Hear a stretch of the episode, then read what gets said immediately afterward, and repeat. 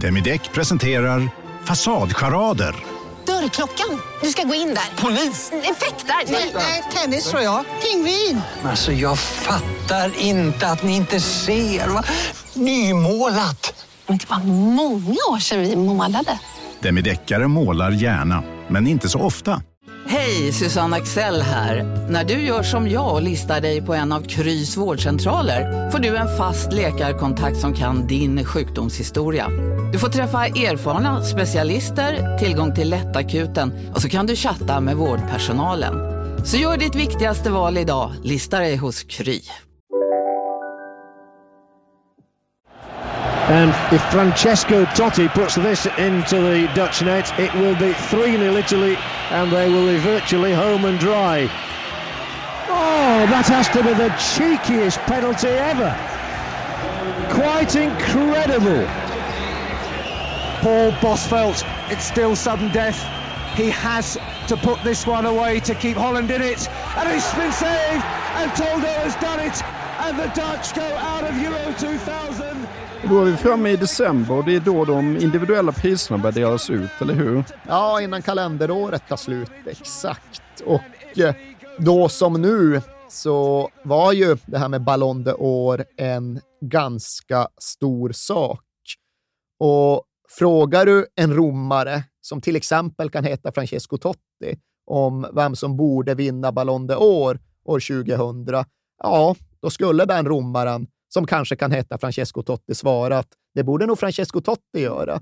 För han var ju inte den självförminskande typen. Han hade vuxit upp omgiven av människor som ständigt bedyrade hans förträfflighet. Och han var inte obekväm med den världsbilden. Hans egen innerliga övertygelse var att han utan någon som helst diskussion tillhörde världens fem bästa spelare under år 2000 och att det egentligen liksom blev en fråga om smak, tycke, medtjänster och kanske korruption kring vem som egentligen skulle få den gyllene Ballon d'Or-bollen. Eh, ett mästerskapsår så tenderar det ju att bli så att den allra mest utslagsgivande spelaren i vinnarlaget har en väldig fördel. Och ni minns väl kanske hur extremt nära Italien var att vinna EM i Holland-Belgien 2000. Med bara någon ynka stopptidsminut kvar av finalen så leder de ju och de leder efter att ha krånglat sig förbi en fullständigt episk semifinal mot värdnationen Holland. Minns du den matchen? eller? Är det då Totti gör en panenka, eller? Han gör er cucciaio, som de själva säger. Skeden. Eh, precis, det är ju därför vi minns matchen, men det var en rätt mödosam väg dit. Italien får väl en spelare utvisad, vill jag minnas. De får hur som helst i alla fall två straffar emot sig. Klöifert missar, men det är nog både De Boer och Klöifert. Och eh, sen är det ju en enda lång belägring och Toldo är helt otrolig i Italiens mål. Och det är väl nästa och Cannavaro som spelar mittbackar, så det är inte helt enkelt och att ta sig fram till målchans, men på något sätt lyckas Italien baxa matchen till straffar. Där fortsätter ju holländarna att missa. Där fortsätter Toldo att rädda och till slut så har då Francesco Totti möjligheten att ja, men antingen koppla ett, helt, ett stryptag som är helt omöjligt för holländarna att bryta eller att bjuda in holländarna i straffläggningen igen. Och det är då han då kastar ur sig till lagkamraten Luigi Di Biagio på vägen fram att ah, jag ska göra skeden jag ska göra Erkuciaio. Och det här var då i ett läge då Panenka-straffen, som vi känner den, ja, men egentligen inte hade använts på 24 år. Det var Panenka som chippade in en straff i EM-finalen 1976 och sen så nyttjades inte den där varianten egentligen alls innan då Totti återlanserade den på den europeiska fotbollens största scen i semifinalen 2000. Och det var ju ja, men kanske det mest minnesvärda ögonblicket från hela turneringen. Det ska också sägas att han hade liksom lobbat in en halvvolley från mittcirkeln innan han gjorde Panenkan, men att det målet blåstes bort för att ja, spelet var avbrutet. Och det är en av de där stora once that got away-ögonblicken. Målen som aldrig blev godkända, men som borde ha blivit klassiska. Och därtill ska vi då addera att i finalen mot Frankrike så var nog Totti man of the match. Han liksom klackar fram bollen som i förlängningen ger ledningsmålet, det som var på väg att bli segermålet. Men som ni vet så kvitterar då Frankrike med några sekunder kvar av den Anders Frisk kvantifierade stopptiden och gick sen och vann på golden goal i förlängningen. Så Tottis farhåga var ju att det tappet skulle kosta honom Ballon d'Or och den farhågan blev starkare när självaste Michel Platini var ute och uttalade sig kritiskt mot Totti i ungefär den här vevan. Platini hade inte hunnit bli Uefa-president ännu, men han var någon form av överhuvud för den tekniska kommitté som Uefa använde sig av för att utvärdera EM-turneringen. Och i egenskap av den positionen så hade han då formulerat sig ja, men lite nedsättande mot Totti och ja, men därigenom mer eller mindre uppmanat berörda att inte rösta på honom. Precis just då så faller det sig så att Platini besöker Rom och går på Olympico för Romas hemmamatch mot den lite oväntade toppkonkurrenten Udinese. Och den matchen minns vi egentligen enbart för ett av de absolut vackraste mål som Francesco Totti någonsin gjorde. Och han hade definitivt det där som många andra stora spelare också har. Den där grejen att minsann vilja visa tvivlarna. Den där tendensen att liksom haka upp sig på egentligen ganska obetydliga grejer. Men det här var en av alla de dagarna då han liksom spelade med ett litet horn i sidan. Han visste vad Platini hade sagt. Han visste att Platini nu satt på hedersläktaren och nu skulle gubbstrutten minsann få se. Och vad fan fick han se?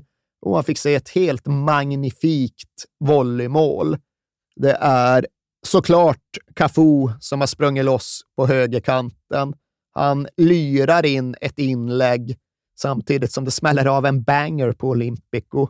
Och i bortre änden av straffområdet eh, så skenar Totti fram och han bara drar till på helvolley. Sträckt jäkla vrist in som en missil i bortre krysset. Och det går inte för någon, inte för Michel Platini eller någon annan heller, att se det och sen göra något annat än att bara ställa sig upp och applådera en mästare, ett jävla geni. Och när Platini sen uttalade sig efter att ha sett detta så fick han ju lov att använda ett annat tonläge än han hade gjort några dagar dessförinnan. Nu fick han backa tillbaka och ja, välja en helt annan väg. Snarare än att vara lite njugg och snål mot Totti så fick han erkänna att ja, faktiskt inte inte ens Zinedine Zidane har samma intuitiva genialitet som Francesco Totti har. Inte ens Zinedine Zidane kan få magi att uppstå i en situation där absolut ingen magi hade existerat en enda halv sekund tidigare.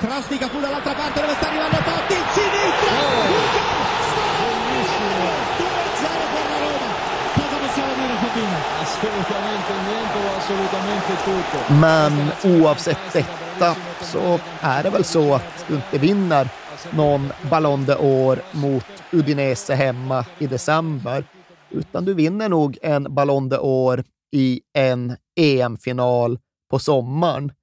Och den argumentationslinjen går väl inte riktigt att dra hela vägen ut med tanke på att det i slutändan blev semifinalförloraren från EM, Luis Figo, som vann Ballon d'Or 2000. Men det är ändå en åsikt eller en uppfattning som Francesco Totti har återvänt till. Han tror på allvar att han hade vunnit Ballon d'Or om bara Italien hållit ut tills Anders Frisk blåste av finalen. Han tycker ju på uppriktigaste sätt att han hade förtjänat det, men i slutändan så var han ju faktiskt inte jättenära. Nej, sånt där har jag i huvudet. För Zidane var tvåa och Shevchenko trea. Jag har sett någonstans, jag tror faktiskt han skrev det i sin egen bok till och med, när han förhöll sig till det här att ja, jag borde ha vunnit, jag vann inte, nu blev jag femma istället och ja, okej okay då. Och det stämmer ju faktiskt inte. Du blev femma året efter Francesco Totti, men det här EM-året 2000, då du själv tycker att du borde ha vunnit, då kom du på, du hade, vad var det, en delad fjortonde plats mm. eller något i den stilen.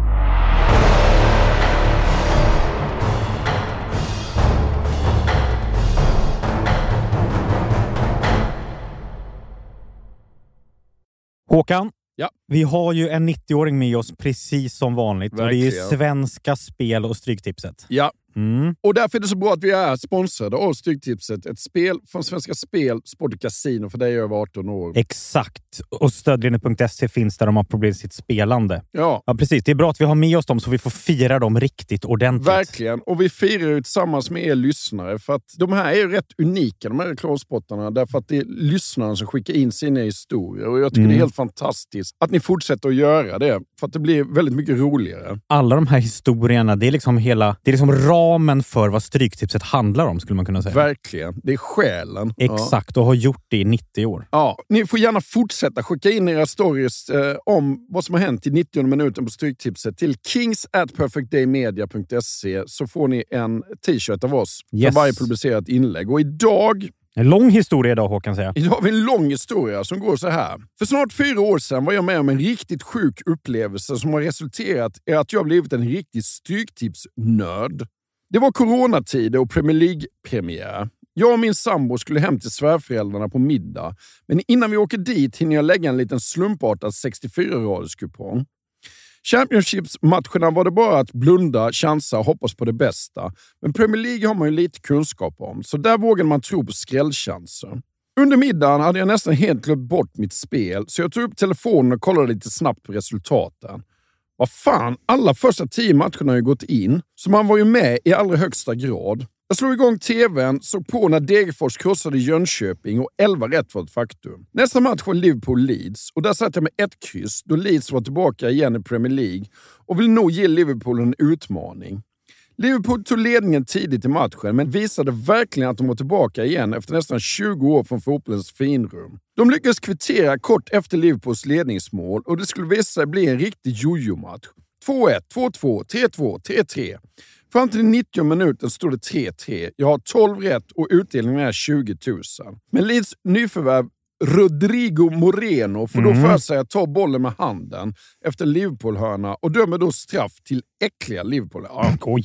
Ja. Ja, ja. Självklart gör Salah 4-3 från 11 meter och vinstsumman var nu på 5 000 kronor på 12 rätt. Det enda som skulle kunna rädda mig nu var att Newcastle skulle slå West Ham borta, då våghalsiga, naiva jag fick för mig att sätta en tvåa. Jag tror aldrig jag mått så dåligt av att se en fotbollsmatch.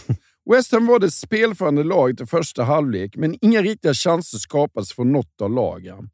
När andra halvlek blåstes igång och jag lugnat mig lite, så tar det bara några minuter innan Callum Wilson brunkar in ett ledningsmål för Newcastle och nervositeten kickar igång igen. Om första halvlek var ångestladdad så går det inte att jämföra med andra.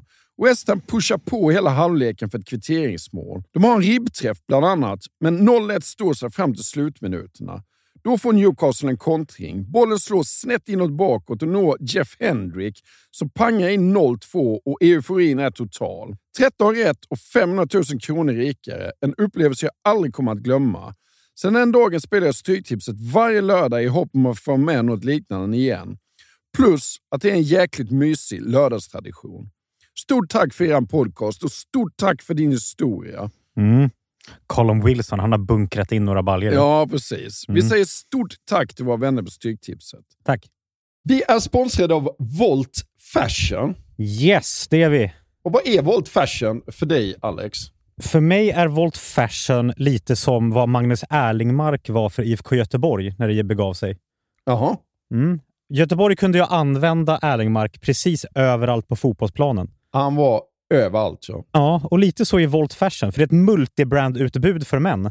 Förstår du vad jag menar då? Just det. Mm. Ja. Du hittar tröjor, skjortor, kostymer, kavajer, byxor, you name it. Allting. Från märken som These Glory Days, Oscar Jakobsson, Tiger of Sweden, Eton, Samse Samse, J. Lindberg och Flippa K. Exakt. Och min Voltbutik som jag brukar gå in i ligger i PK-huset här i Stockholm. Ja, just det. Och det finns ju 40 butiker i Sverige och här finns ju allting. Sweaters, Allting. skjortor, kostym, kavajer, byxor. Allt du behöver både till fest och vardag med alla de här schyssta märkena du räknar upp. Och nu är det ju dags för festligheter. Våren är väl ändå här, det måste vi säga. Det är den verkligen. Och det är dags för bröllop, det är studenter, det är midsommar. Och vad vill man ha då? Ja, en kostym kanske. Ja, jag har precis köpt en kostym. Jaha. Från These Glory Days. Jaha. Jag brukar köra på Edvard-kostymen. Ja, och det är alltså en ullblandning. Det tycker jag är ett måste i kostym. Jag gillar inte linne och sånt där, utan det är ull som jag gillar. Och så måste det vara regular fit, inte slim fit på mig. Nej. Gillar när det liksom är lite mer rakt och, och stiligt. Så den har jag gått loss på. Jag gillar ju Oscar Jakobsson. Ja, ja, ja. ja. Svenskt, skönt och där kan jag även tänka mig linne faktiskt. Och sen är det ju så här att du behöver ju faktiskt inte gå in i en faktisk butik, voltbutik, även om det finns ganska många. Utan du kan ju gå in på voltfashion.com och där hittar du hela utbudet och, och kan bara klicka hem det istället. Så klicka in på voltfashion.com och eh, välj din kostym för våren och sommaren helt enkelt. Ja, vi säger stort tack till Volt Fashion. Alex, vi pratar ju om Blackburn och då måste jag fråga dig, vad kör Alan Shearer för bil? Ja, precis. Ja, vi pratar om Blackburn den här veckan. Ja. Eh, ja. Alan Shearer. Jag ska, jag ska nog googla det faktiskt. Gör det. Jag tänker mig att han kör en riktigt sån, alltså en, en diesel. Nej, alltså det som bara jag. spottar ut. Jag tror, jag tror Shearer är en eh, riktig elkille. Faktiskt. Vad heter Blackburn? Lanc Lancastershire. Lancashire. Lan ja, exakt. Där åker han runt. Runt, runt en gammal dieselhäck. Men jag ska, Ja. jag ska googla faktiskt. Ja. Kolla. Då ska vi se. Alan Shearer Lifestyle. Alan Shearer Car. Audi RS Q8 kör Ja. han till vardags. Hybrid. Det är ju ingen dålig bil. Hybrid. Ja, 600 hästar. 3,8 sekunder på 100 meter. ja, 100 meter är det inte. 100 100 kilometer i timmen. ja. Vridmoment 800 NM. Men Säger mig varför pratar vi om ingenting. detta? För att vi är sponsrade av Kala. Ja, och på, det är mycket möjligt att han har insett hur jäkla smidigt det är att köpa sin bil på Karla. Exakt. Hur skulle Alan Shearer säga Kala med C? Karla. Carla. Karla. Ja. För att vi har ju eh, i tidigare eh, spottar berättat om att det är världens bästa biltjänst. Mm, Med 4,8 i. Trustpilot. Mm. Därför att vi som tycker det är jobbigt att köpa och sälja sin bil framför allt, med allt mäkt det innebär, så innebär Karla att de sköter allting åt dig. Mm. Så går du i eh, tankar med att sälja din bil och kanske vilja skaffa dig en elbil eller en elhybrid så ska du gå in på karla.se. Jag är lite sugen på att skaffa en laddhybrid. Ja. En sån Audi. Ja, ja, ja. Jag tror inte riktigt att jag kanske har råd med det den. tror jag inte du riktigt men har jag, men råd jag tror att Karl har ett bra spann på bra eh, laddhybrider faktiskt. Ja. Mm. Om du går in på karla.se och knappar in din bils info så får du en snabb och gratis värdering och ett bud på din bil. Mm. Väljer du att acceptera budet så får du gratis upphämtning av din bil i hela Sverige. Och pengarna på kontot direkt vid upphämtning. Mm. Alltså det kan inte bli smidigare än så. Och Karla sköter allt från pappersarbete till dammsugning av baksätet. Ja, alltså det, det Det slipper jag gärna. Alltså. Ja. Och när du ändå är i farten så kan du kika om du hittar någon ny drömbil på Karla. Audi RS Q8. Exakt. Du kan då använda din gamla bil som inbyte och endast betala mellanskillnaden om du vill köpa en ny. Kör du till exempel runt i en gammal dieselhäck så är det hög tid att uppgradera till en elbil eller laddhybrid. Eller Alan Shearers bil då. Vem i Blackburns lag från 1995 kör runt i en gammal dieselhäck idag, tror du? Nej, jag tror faktiskt ingen gör det. Tror du inte? Nej. Jag tror i alla fall att anfallspartnern där till Alan Shearer, Chris Sutton, han kör runt en gammal dieselhäck. Ja, då är det hög tid för honom att gå in på karla.se. Verkligen. Vi säger stort tack till karla.se. Tack.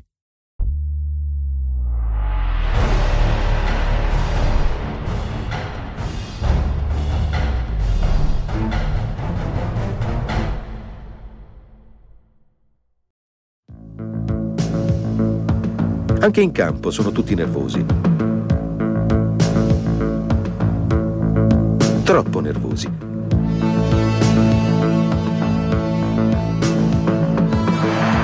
E il primo tempo finisce con molti falli e pochi tiri. Secondo tempo, secondo minuto e Battistuta inventa una magia. Nytt derby och nytt dramatiskt derby. Fult som satan. Det är en rättvis sak att säga, men trots allt ändå ett derby som ju tycks understryka att det här är Romas år. Battistuta gör mål såklart. 1-0 till Roma. Del Vecchio gör mål såklart när det är derby. Aldrig mål annars, men i derbyn då gör han fan mål. Och med bara drygt tio minuter kvar, ja då leder ju fortfarande Roma med 2-0. Och den här segern skulle innebära ett jättekliv mot scudetton, både praktiskt och mentalt. Men vad fan händer? Jo, Pavel Nedved reducerar med ett distansskott och i vad är det, 95 minuten, absolut sista tilläggsminuten, så får den anonyma inhoppande dussinspelaren Lukas Castroman på sitt livsträff och på något jävla sätt har Roma lyckats kasta bort ännu en seger, ännu en sorts matchboll fram mot titeln. Och det här var ju en smäll som träffade så väldigt hårt på så väldigt många olika sätt. Francesco Totti beskriver sin egen reaktion efter slutsignalen och pratar om ett okontrollerbart ursinne, en ilska som inte gick att släcka och en olust som på något sätt sen följer med Roma in i nästa gigantiska måste-match. Den här gången då bortamötet mot ett jagande Juventus. För ja, det var de tre under den här säsongen. Det var Roma som ledde och anförde. Det var Lazio som hamnat lite väl långt efter, men som ändå inte kunde räknas bort. Och så var det Juventus som låg och skuggade, låg och väntade, låg och var beredda att köra om på målrakan. Och när då tabelltvåan tar emot tabellettan så tycks det länge bli just dagen då säsongen till sist svänger. För Juventus går in och är helt överlägsna från avspark och framåt. Går väl fem, kanske sex minuter. Sen leder Juve med 2-0. Hur bra är Siso? Ja, han är väl... Ja, han visar att det inte bara är Francesco Tottis intuitiva genialitet som eh, avgör vem som är allra störst, bäst och mest magnifik. Om det är det jag uppfattar när jag tittar på klipp bakåt så dyker Sisu upp då och då och då slås man av att aha, det var så här bra han var. Ja, vi ska inte fastna i Zidane nu. Vi kommer ha anledning att prata mycket mer om honom vid flera andra tillfällen. Han är båda två första målen. Men han är inblandad i båda de tidiga Juventus-målen. Han orkestrerar ju allt när de svartvita håller på att göra 3-0, när de mycket väl hade kunnat göra 4-0. Då det inte hade varit orättvist ifall det hade stått 5-0 efter sådär en timme. Totti försökte, men var inte ens nära. Han upplevde det som att Juventus spelade på tredubbla hastigheten gentemot hans eget lag. Och osannolikt nog, chockartat nog, så är det ju även kaptenen, tian, Francesco Totti, som Fabio Capello väljer att byta ut efter bara en timmes spel när matchen verkar vara på väg att glida Roma ur händerna. Och det är ingen liten manöver att göra i det här läget. Någon typ av titelmatch, någon sorts jätteläge. En situation då Roma på något sätt måste trolla fram både ett eget spel och två rätt snabba mål. Och så tar han ut Totti. Och okej, okay, han hade inte varit speciellt bra. Det här hade inte varit hans match, men ändå. Hur vågar gubbjäveln? Hur tänker Capello? Jo, Capello utgår från att saker, ting, situationer faktiskt har förändrats under veckan som ledde fram till den här matchen. För som vi sa för någon timme sedan så var det ju fram till och med denna vecka förbjudet att ha fler än tre icke-EU-spelare på planen i en Serie A-match. Men det där hade utmanats juridiskt. Det där hade dragits in i någon jävla EU-domstol och det där förbudet hade då upphävts. Helt plötsligt så kunde du ha precis hur många som helst med vilka pass som helst i din matchtrupp och det gav Capello mer att jonglera med. Juventus var vansinniga, för redan inför matchen så hävdade de, men med viss moralisk rätt, veta att det funkar inte att byta regler mitt under säsongen. Ni får väl ändå vänta till sommaren med att genomföra den här stadgeändringen.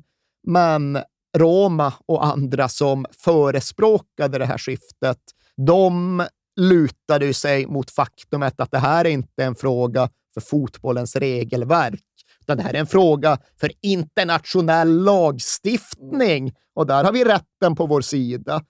Och för Juventus spelade inte det här någon större roll. De hade sin trupp och de hade byggt utifrån att de inte räknade med att kunna använda fler än tre icke-EU-spelare. Roma vet inte fan hur de hade byggt ur det hänseendet, men de kände sig bakbundna av den här situationen. Och nu blev då plötsligt händerna lösgjorda och det tänkte minsann Capello använda sig av. Det var inte direkt tråkigt att se en Modji vansinnig av ilska innan matchen heller faktiskt. Nej, en ilsken Modji är en underhållande Modji, så är det ju. Men i en vanlig match, då hade ju vare sig Hidetoshi Nakata eller Marcus Asunsao ens fått plats på bänken. För i Romas startelva, där fanns ju Aldair. Det var ju ändå stor match. Där fanns Walter Samuel och där fanns Cafu. Och det är klart att det var så. Sen var det ju stängt och färdigt. Men nu då, både Nakata och Marcus Asunsao och båda de skickades in med en halvtimme kvar. Och absolut, det är skickliga spelare, men det är ändå Francesco Totti som blir utbytt, så det är nog bäst för Fabio Capello och för alla andra att det sker något positivt nu. Och dra åt helvete vilken effekt och utdelning han fick på de här bytena. Mm.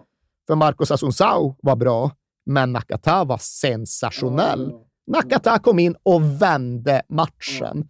Inte hela vägen runt till seger, men hela vägen till en ovärderlig poäng. Först reducerar han med tio minuter kvar och han fortsätter begära bollen, han fortsätter få bollen, använda den väl, göra skillnad, hota, passa, avsluta, in på stopptiden, fortfarande ett målsunderläge. Nakata bollen igen, Nakata loss igen, Nakata skott igen. Den här gången blir det retur och Montella av alla är där och kvitterar. Montella har sin story och sin vrede. Han hade hunnit göra flera viktiga mål som inhoppare den här våren. Men trots att det är han som kvitterar så är det här Hidetoshi Nakatas stora show, stora dag. Och absolut, Totti har blivit utbytt och Totti är förbannad. Men när Roma kvitterar borta mot Juventus på stopptid, då struntar han totalt i sin egen situation. Då är det bara maxjubel och då är det fram till Nakata och bara vråla honom i ansiktet. Hide, du är en myt! Du är en myt, Hidetoshi! Och riktigt om Nakata ens förstår vad han vrålar är oklart, men till slut så grazie. Sen går han vidare. Och det är en poäng som är som en seger. Det är en typ av personligt nederlag för Francesco Totti, men det är en enorm kollektiv triumf för Roma och det är absolut så att Totti värderar det sistnämnda högre. Efter slutsignalen så blir han kvar i ja, men typ en halvtimme nedanför borta sektionen. Bara stå och hoppa, stå och sjunga, byta banderoller där på sig, halsdukar, hela den där prylen. Här var känslan att Roma hade överlevt. De hade klarat matcherna mot sina värsta utmanare med försprånget i behåll. Och de hade kastat iväg mycket under stopptidsminuterna mot Lazio, men nu hade de lyckats rädda och reparera allt det med ett sent kvitteringsmål mot Juventus. Nu var titeln återigen i deras händer.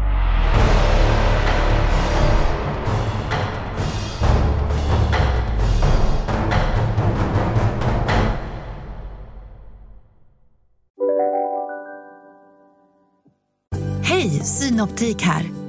Visste du att solens UV-strålar kan vara skadliga och åldra dina ögon i förtid? Kom in till oss så hjälper vi dig att hitta rätt solglasögon som skyddar dina ögon. Välkommen till Synoptik. Ah, dåliga vibrationer är att skära av sig tummen i köket. Ja! Bra vibrationer är att du har en tumme till och kan scrolla vidare. Få bra vibrationer med Vimla. Mobiloperatören med Sveriges nöjdaste kunder enligt SKI. Välkommen till Momang, ett nytt smidigare kasino från Svenska Spel, Sport och Casino där du enkelt kan spela hur lite du vill. Idag har vi Gonzo från spelet Gonzos Quest här som ska berätta hur smidigt det är. Sí, es muy excelente y muy rápido. Tack Gonzo. Momang, för dig över 18 år. Stödlinjen.se. Och nu är vi inne på slutrakan. Ja, och nu tycks allt gå enligt plan. Roma besegrar Atalanta hemma och Roma åker sen ner till Bari och har en helt fantastisk day out. För det är frågan om någonsin en stor italiensk arena blivit så övertagen som Baris hemmastadion blev den här dagen. Jag tror att den officiella publiksiffran på San Nicola var något i stil med 34 000. Det finns en samstämmig övertygelse om att minst 30 000 av dem var romanisti. Det var större överlägsenhet på läktarna än vad det brukar vara i en hemmamatch. Och det var dessutom en match som gick i precis Romas riktning. Det var i den här matchen som Vincent Candela gjorde det sjuka målet, där han jonglerade fram bollen till sig själv och sen drar dit den i krysset på helvolley. Ett mål som du absolut måste lägga ut. Ja, nu slår ju Berg ganska lätt, men du nämnde någonting om Montellas ilska. Vad var det? Ja, det var ju en växande frustration hos den bänkade Vincenzo Montella som hade tvingats inleda säsongen och sidosatt, men som sen hade använt sin begränsade speltid på ett helt otroligt bra sätt. Han hade gjort massor av mål trots att han hade spelat väldigt få minuter och han hade gjort viktiga mål. Det var den där blytunga kvitteringen mot Juventus. Det var ett sent, sent segermål mot Inter och det var i matchen efter defileringen mot Bari ännu ett livsviktigt kvitteringsmål hemma mot Milan. Men när den bollen går in, då är det väldigt viktigt för Roma, men någonstans ja, men mest bara irriterande för Vincenzo Montella. För han var, det var otroligt hur effektiv han var under den här perioden. Han ensam gjorde fler mål än alla Romas övriga offensiva spelare tillsammans.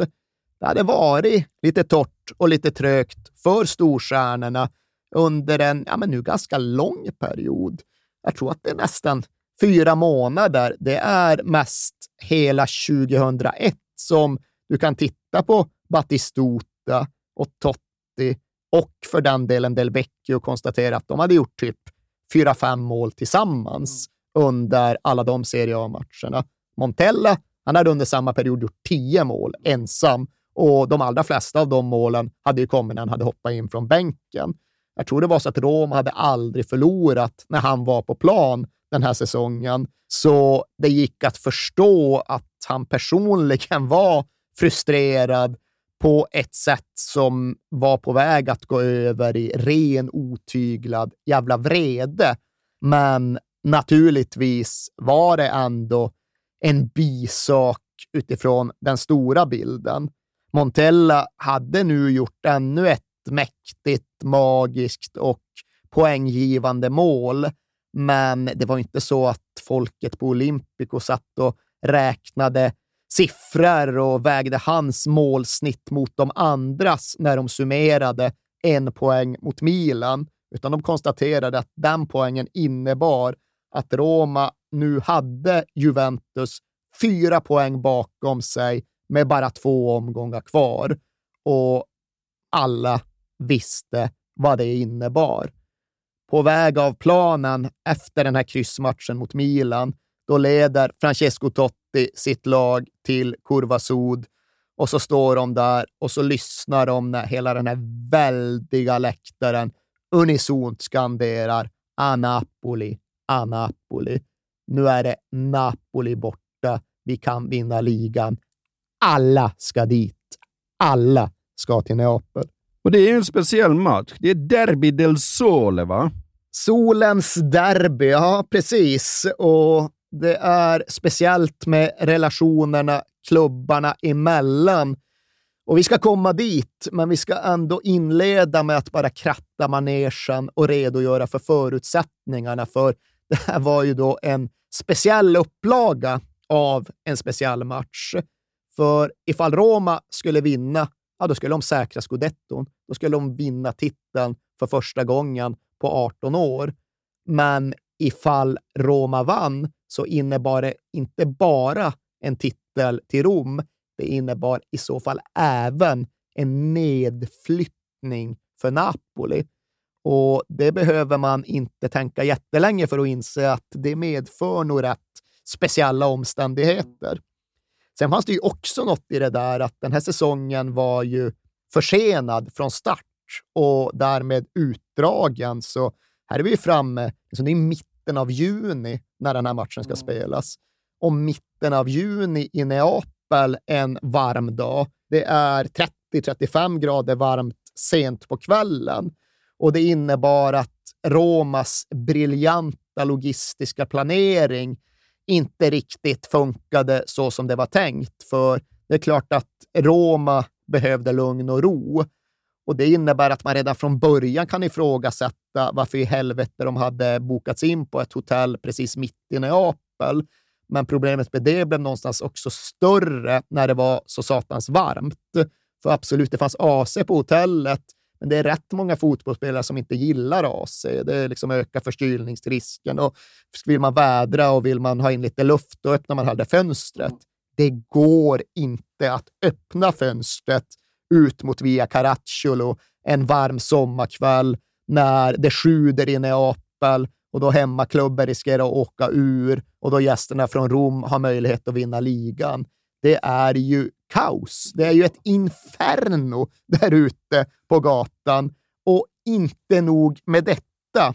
Den briljanta hotellbokningen den innebar också att Roma fick dela hotell med ett stort jävla bröllopsparty. För det är ju också någonting att en vanlig fotbollsklubb, ja, men den kräver mer eller mindre att få vara ensam på ett hotell. Eller den kräver i alla fall att ha en helt egen flygel eller något i den stilen. Men nej då, nu dundrar Roma-spelarna in och hamnar mitt i den här bröllopsfesten som det tydligen är ett bra jäkla tryck i. Och ja, Jag vet inte vad man ska säga, men Boys will be boys hette det förr och det är väl en trött, fördomsfull schablonisering. Men ja, kanske ändå.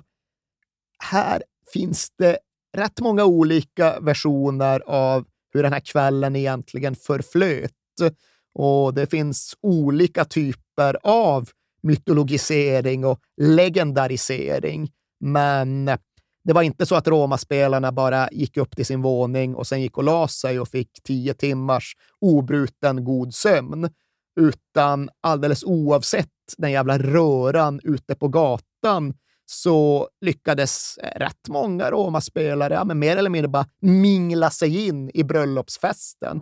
Visst, det är titelmatch imorgon, men det är imorgon det. Nu är det bröllopsfest och det är kul med bröllopsfest. Och det var värst vad människorna där var välkomnande och det var värst så många damer det var där som gärna ville prata och prata vidare och sen kanske prata ytterligare lite mer.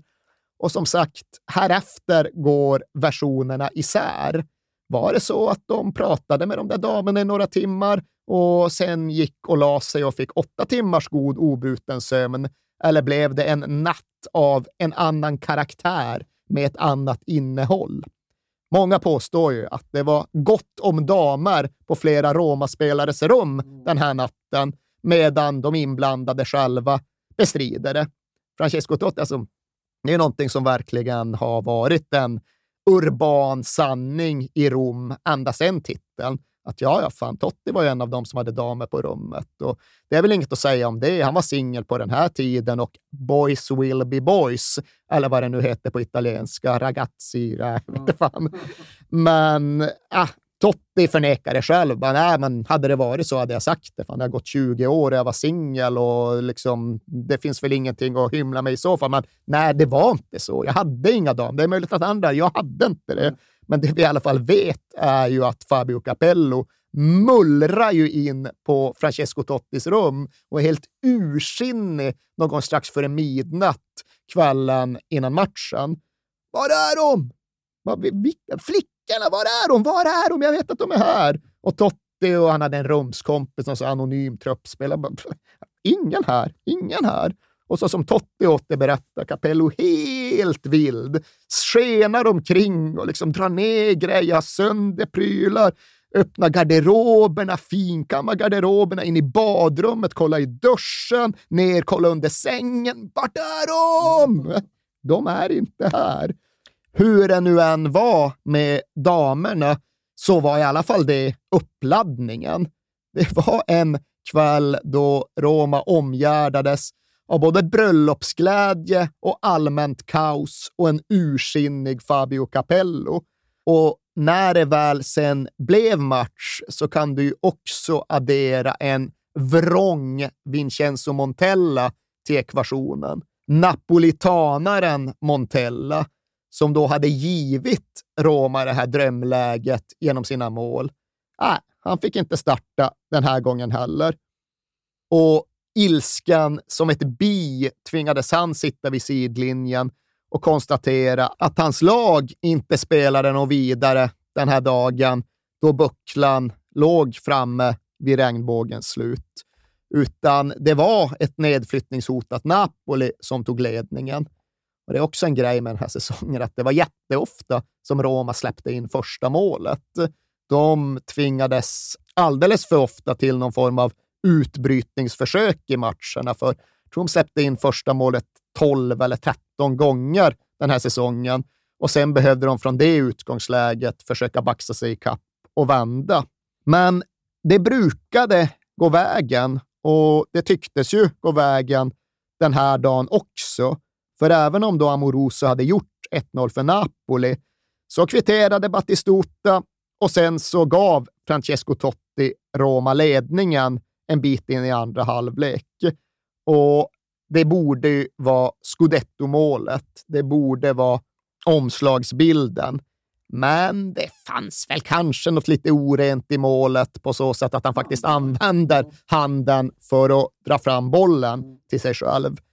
Men ah, vem fan brydde sig om det när det var 30 minuter, när det var 25 minuter, när det bara var 10 minuter kvar och Roma hade scudetton och Francesco Totti hade gjort det avgörande målet. Men nej, titelmålet skulle inte få bli ett hans mål.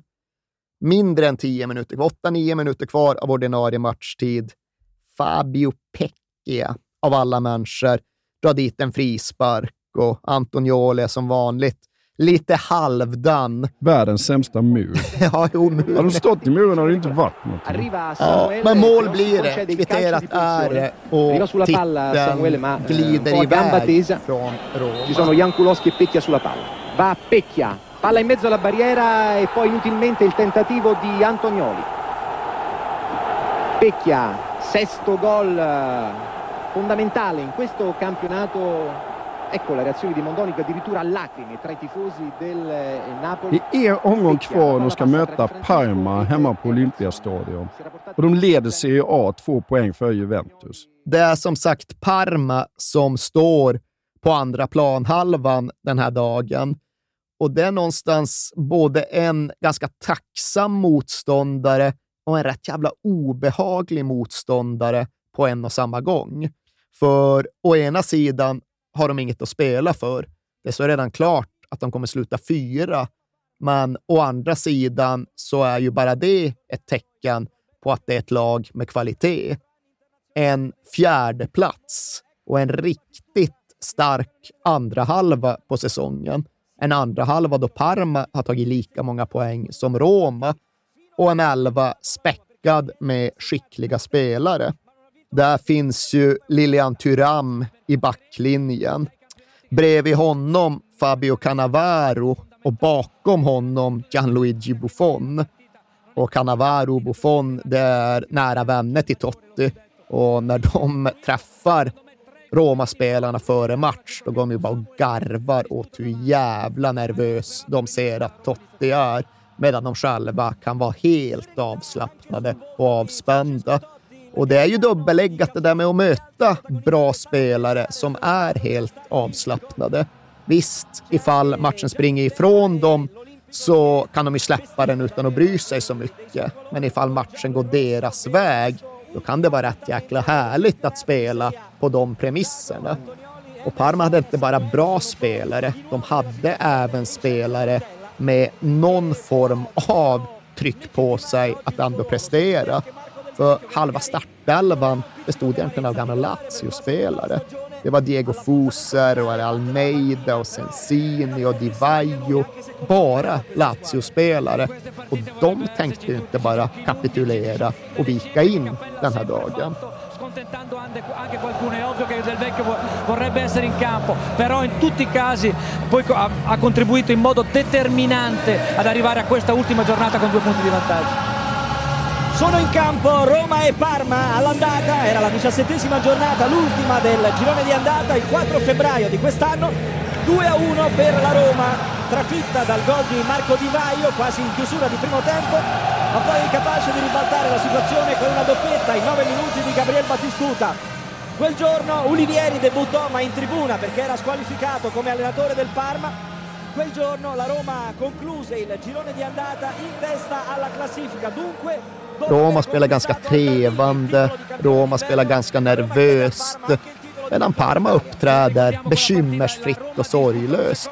De går framåt med glatt humör och ser ganska hotfulla ut när de gör det.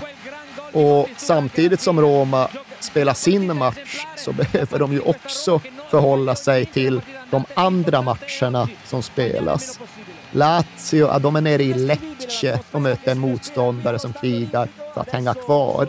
Juventus har Atalanta hemma och det är väl en på pappret ganska enkel uppgift och mycket riktigt hinner inte gå många minuter innan det plingar till och Juventus har tagit ledningen. Och då vet Roma att det krävs seger här. Det går inte att förlita sig på några andra resultat. Och sen passerar det väl ytterligare ett gäng minuter. Går det väl kanske att börja skönja en tendens till molnbildning på himlen ovanför Olympico. Men är det några moln där så hinner de inte samlas och de hinner inte bli särskilt mörka innan det där förlösande, befriande ledningsmålet kommer. Och vem är det som ska göra det målet? Det finns ju bara en. Det finns bara en spelare som ska peka ut riktningen för Roma Scudetto och det är såklart Francesco Totti. När bollen skär in genom det offensiva straffområdet från vänster så är det bara en spelare som ska möta den.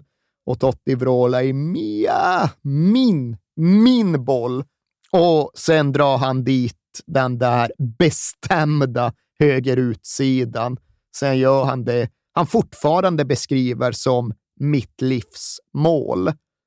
Känslan i det målet går enbart att jämföra med mina barns födelse och är det bakom mina barns födelse så är det inte med mycket.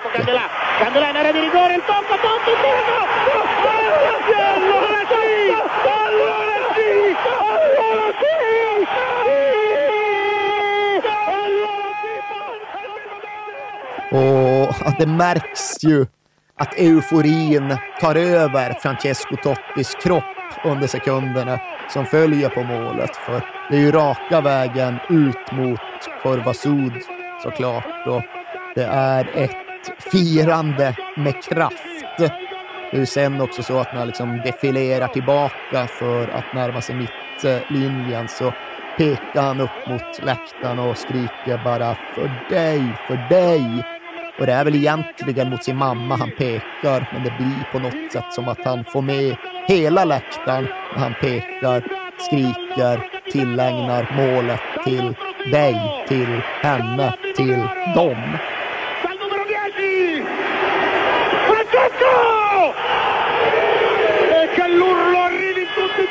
Och även om sen inte siffrorna stannar så var det det där som var scudetto-målet. Det var det som löste upp matchen. Det var det som gav nyckeln till skattkistan. För visst, Parma de spelar på lite grann och de försöker en del, men de är inte jätteengagerade i vart matchen egentligen ska ta vägen. Och samtidigt har Roma fått ett annat lugn och för den delen en annan bestämdhet i sitt spel. Det är ingen diskussion om åt vilket håll slutresultatet ska gå. Det blir bara en fråga om hur stora siffrorna ska bli och vilka som ska göra målen och hur inramningen av dem egentligen ska se ut. Och det är Vincenzo Montella som passande nog, typiskt nog, får göra 2-0 målet. Och när Totti firar det tittar han upp mot Kurva Sud och han säger att jag ser inga ansikten där. Alltså, Jag ser bara flaggor. Hela läktaren fullständigt täckt av vajande flaggor. Och med lite drygt tio minuter kvar så är det sen på sin plats att även Gabriel Batistuta får göra mål. Hans tjugonde Serie A-mål den här triumfsäsongen. Och då finns liksom inga tvivel, inga spärrar längre kvar, utan redan då med alltså drygt tio kvar så börjar ju folk välla ner från kurvorna, ut på löparbanorna, in mot planen och funktionärer och andra får ju lov att hålla tillbaka dem. Alltså, ni kan inte storma planen med tio minuter kvar. Det får ni väl någonstans själva lov att inse. Men sen är det faktiskt så att det är inte hela förklaringen att folk bara blev så jublande glada av att Batistuta hade gjort mål så att de kände att det var dags att börja hoppa in på gräset. Utan även här så fanns det en organisatorisk problematik i att folk inte hade tänkt efter. För det funktionärerna på Olympico gör, det är att de följer sitt vanliga protokoll. Ja, med 20 minuter kvar, då öppnar ni grindarna så att de som vill lämna arenan lite före slutsignalen kan komma ut. Ja, men just det här var inte dagen då folk ville lämna arenan lite före slutsignalen och komma ut. Det här var däremot dagen då tiotusentals, kanske hundratusentals biljettlösa anhängare till Roma hade åkt upp till Olympico bara för att vara där, bara för att känna av. Och när då de stora grindarna öppnas och möjligheten uppenbarar sig, är klart som fan att rätt många av dem passar på att försöka ta sig in och lyckas ta sig in. Halva Rom pressar på utifrån och helt plötsligt så har den där officiella publiksiffran på 80 000 är den väl förbytts i 100, 110, 115 000 och helt plötsligt har det blivit rätt jävla trångt i kurvorna. Och är det så trångt och Gabriel Batistuta samtidigt har gjort 3-0 och Roma är tio minuter från slutsignalen och scudetton, ja, vad fan, då kanske det är lika bra att hoppa ner på löparbanan ändå och ta det därifrån. Lancia intanto in profondità, ecco Badistura, Badistura, Badistura!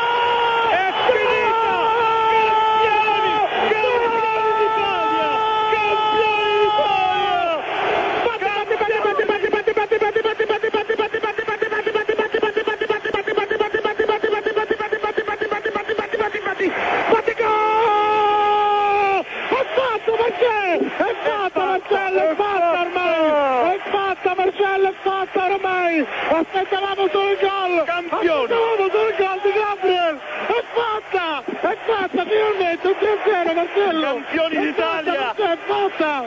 Campioni! È fatta oramai! È fatta oramai! Contro è il terzo gol! È il terzo gol di Batistuta! È il terzo gol di Batistuta! Stavolta è fatta! Stavolta è fatta veramente! Stavolta è fatta veramente! Gabriel! Gabriel! Campione! Contro le prefighe, le mammane.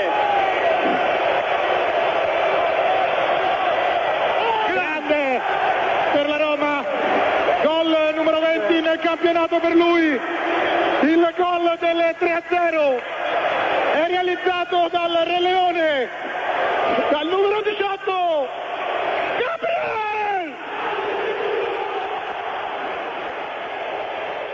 När väl klockan slog över till 90, ja, då blev det väl lite problem med den kollektiva disciplinen.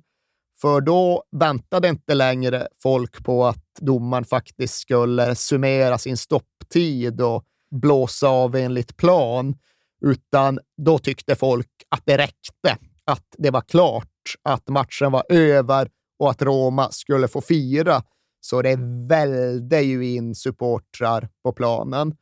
Och Fabio Capello uppskattade inte detta, för Fabio Capello såg risken för vad som faktiskt kunde hända. Ifall du trodde på den här världsbilden där Il Palazzo in i det sista skulle få alla fördelar du kunde tänka dig och några som du inte ens hade kommit på, ja, vad skulle då den här situationen kunna leda till?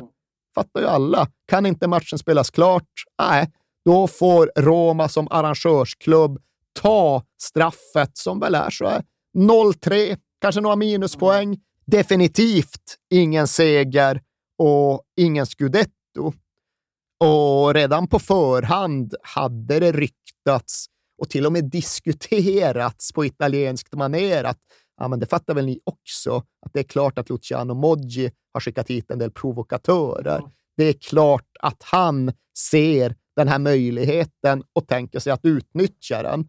Och det Capello var allra mest rädd för, det Capello hade anledning att vara allra mest rädd för, det var ju att någon skulle ge sig på domaren. För ifall du nu trodde på den där världsbilden där det var självklart att Luciano Moggi skulle skicka in provokatörer. Ja, vad var det i så fall som sa emot scenariot där en av dessa provokatörer bara rusar fram och lappar till domaren och drar därifrån? Vem ska undersöka vart den personen egentligen kom ifrån? Vem kommer bry sig om att göra det? Vem kommer i det läget tycka att Roma förtjänar någonting annat än hård bestraffning och poängavdrag. Så Capello försöker kommendera liksom folk att bilda mänsklig sköld runt domarteamet och försöker handgripligen få bort folk från planen. Och, och det är ju en situation som hotar att spinna iväg bortom kontroll. För även om det nu inte är några Modji-provokatörer där så är det en massa väldigt glada och känslosvallande människor som gör lite vad fan som helst. som ser möjligheten att plocka åt sig klenoder och souvenirer som de kan skrävla om under resten av sina liv. Så varenda Roma-spelare blir av med sina matchdräkter. Totti står utan shorts och Samuel utan tröja och Candela utan någonting. Han, liksom, är ju typ bara kalsonger kvar. Allt annat är borta. Till och med Parma-spelarna får ju sina matchdräkter plundrade för att ja, det duger väl som souvenir det också. Så det tar så en kvart någonting innan bollen faktiskt kan rulla igen. Och det är inte så att slutresultatet på något sätt är oklart eller osäkert. Okej, okay, har reducerat, men det är 3-1 och vad kan det vara? 90, max 120 sekunder kvar att spela. Men just den här organisatoriska oron. Kommer det gå att få fram kläder? Ja, det gick att få fram kläder. Kommer det gå att spela utan att folk väller in igen? Kommer det gå att skydda domaren från eventuella provokatörer? Domarteamet självt tar väl till deras heder situationen för vad den är. Här gäller det bara att försöka klara av det här och sen låta folk fira och jubla i fred. Så han säger bara till Francesco Totti att fan, nu gör vi typ så här. Att prata med dina lagkamrater och meddela dig att ifall Roma lyckas erövra bollen, då ska du, Francesco, inta en position nära spelartunneln och då ska din lagkamrat se till att passa bollen till dig. Och så fort du får bollen och så fort du då befinner dig nära spelartunneln, då blåser jag och då, då drar du ut från plan snabbt som bara satan, för då kommer alla följa efter dig och då kan vi någonstans klara det här utan att bli nedtrampade av en skenande folkjord. Och så var det sagt och så fick det bli. Det han spelas en dryg minut eller något i den stilen, men sen fick Roma tag på bollen i ett läge då det gick att sätta Francesco Totti i spel, ur spel, där han befann sig nära spelartunneln. Och klockan var precis 17.03 den 17 juni 2001 när domaren till sist kunde blåsa i pipan, avsluta matchen och förkunna att AS Roma återigen var italienska mästare.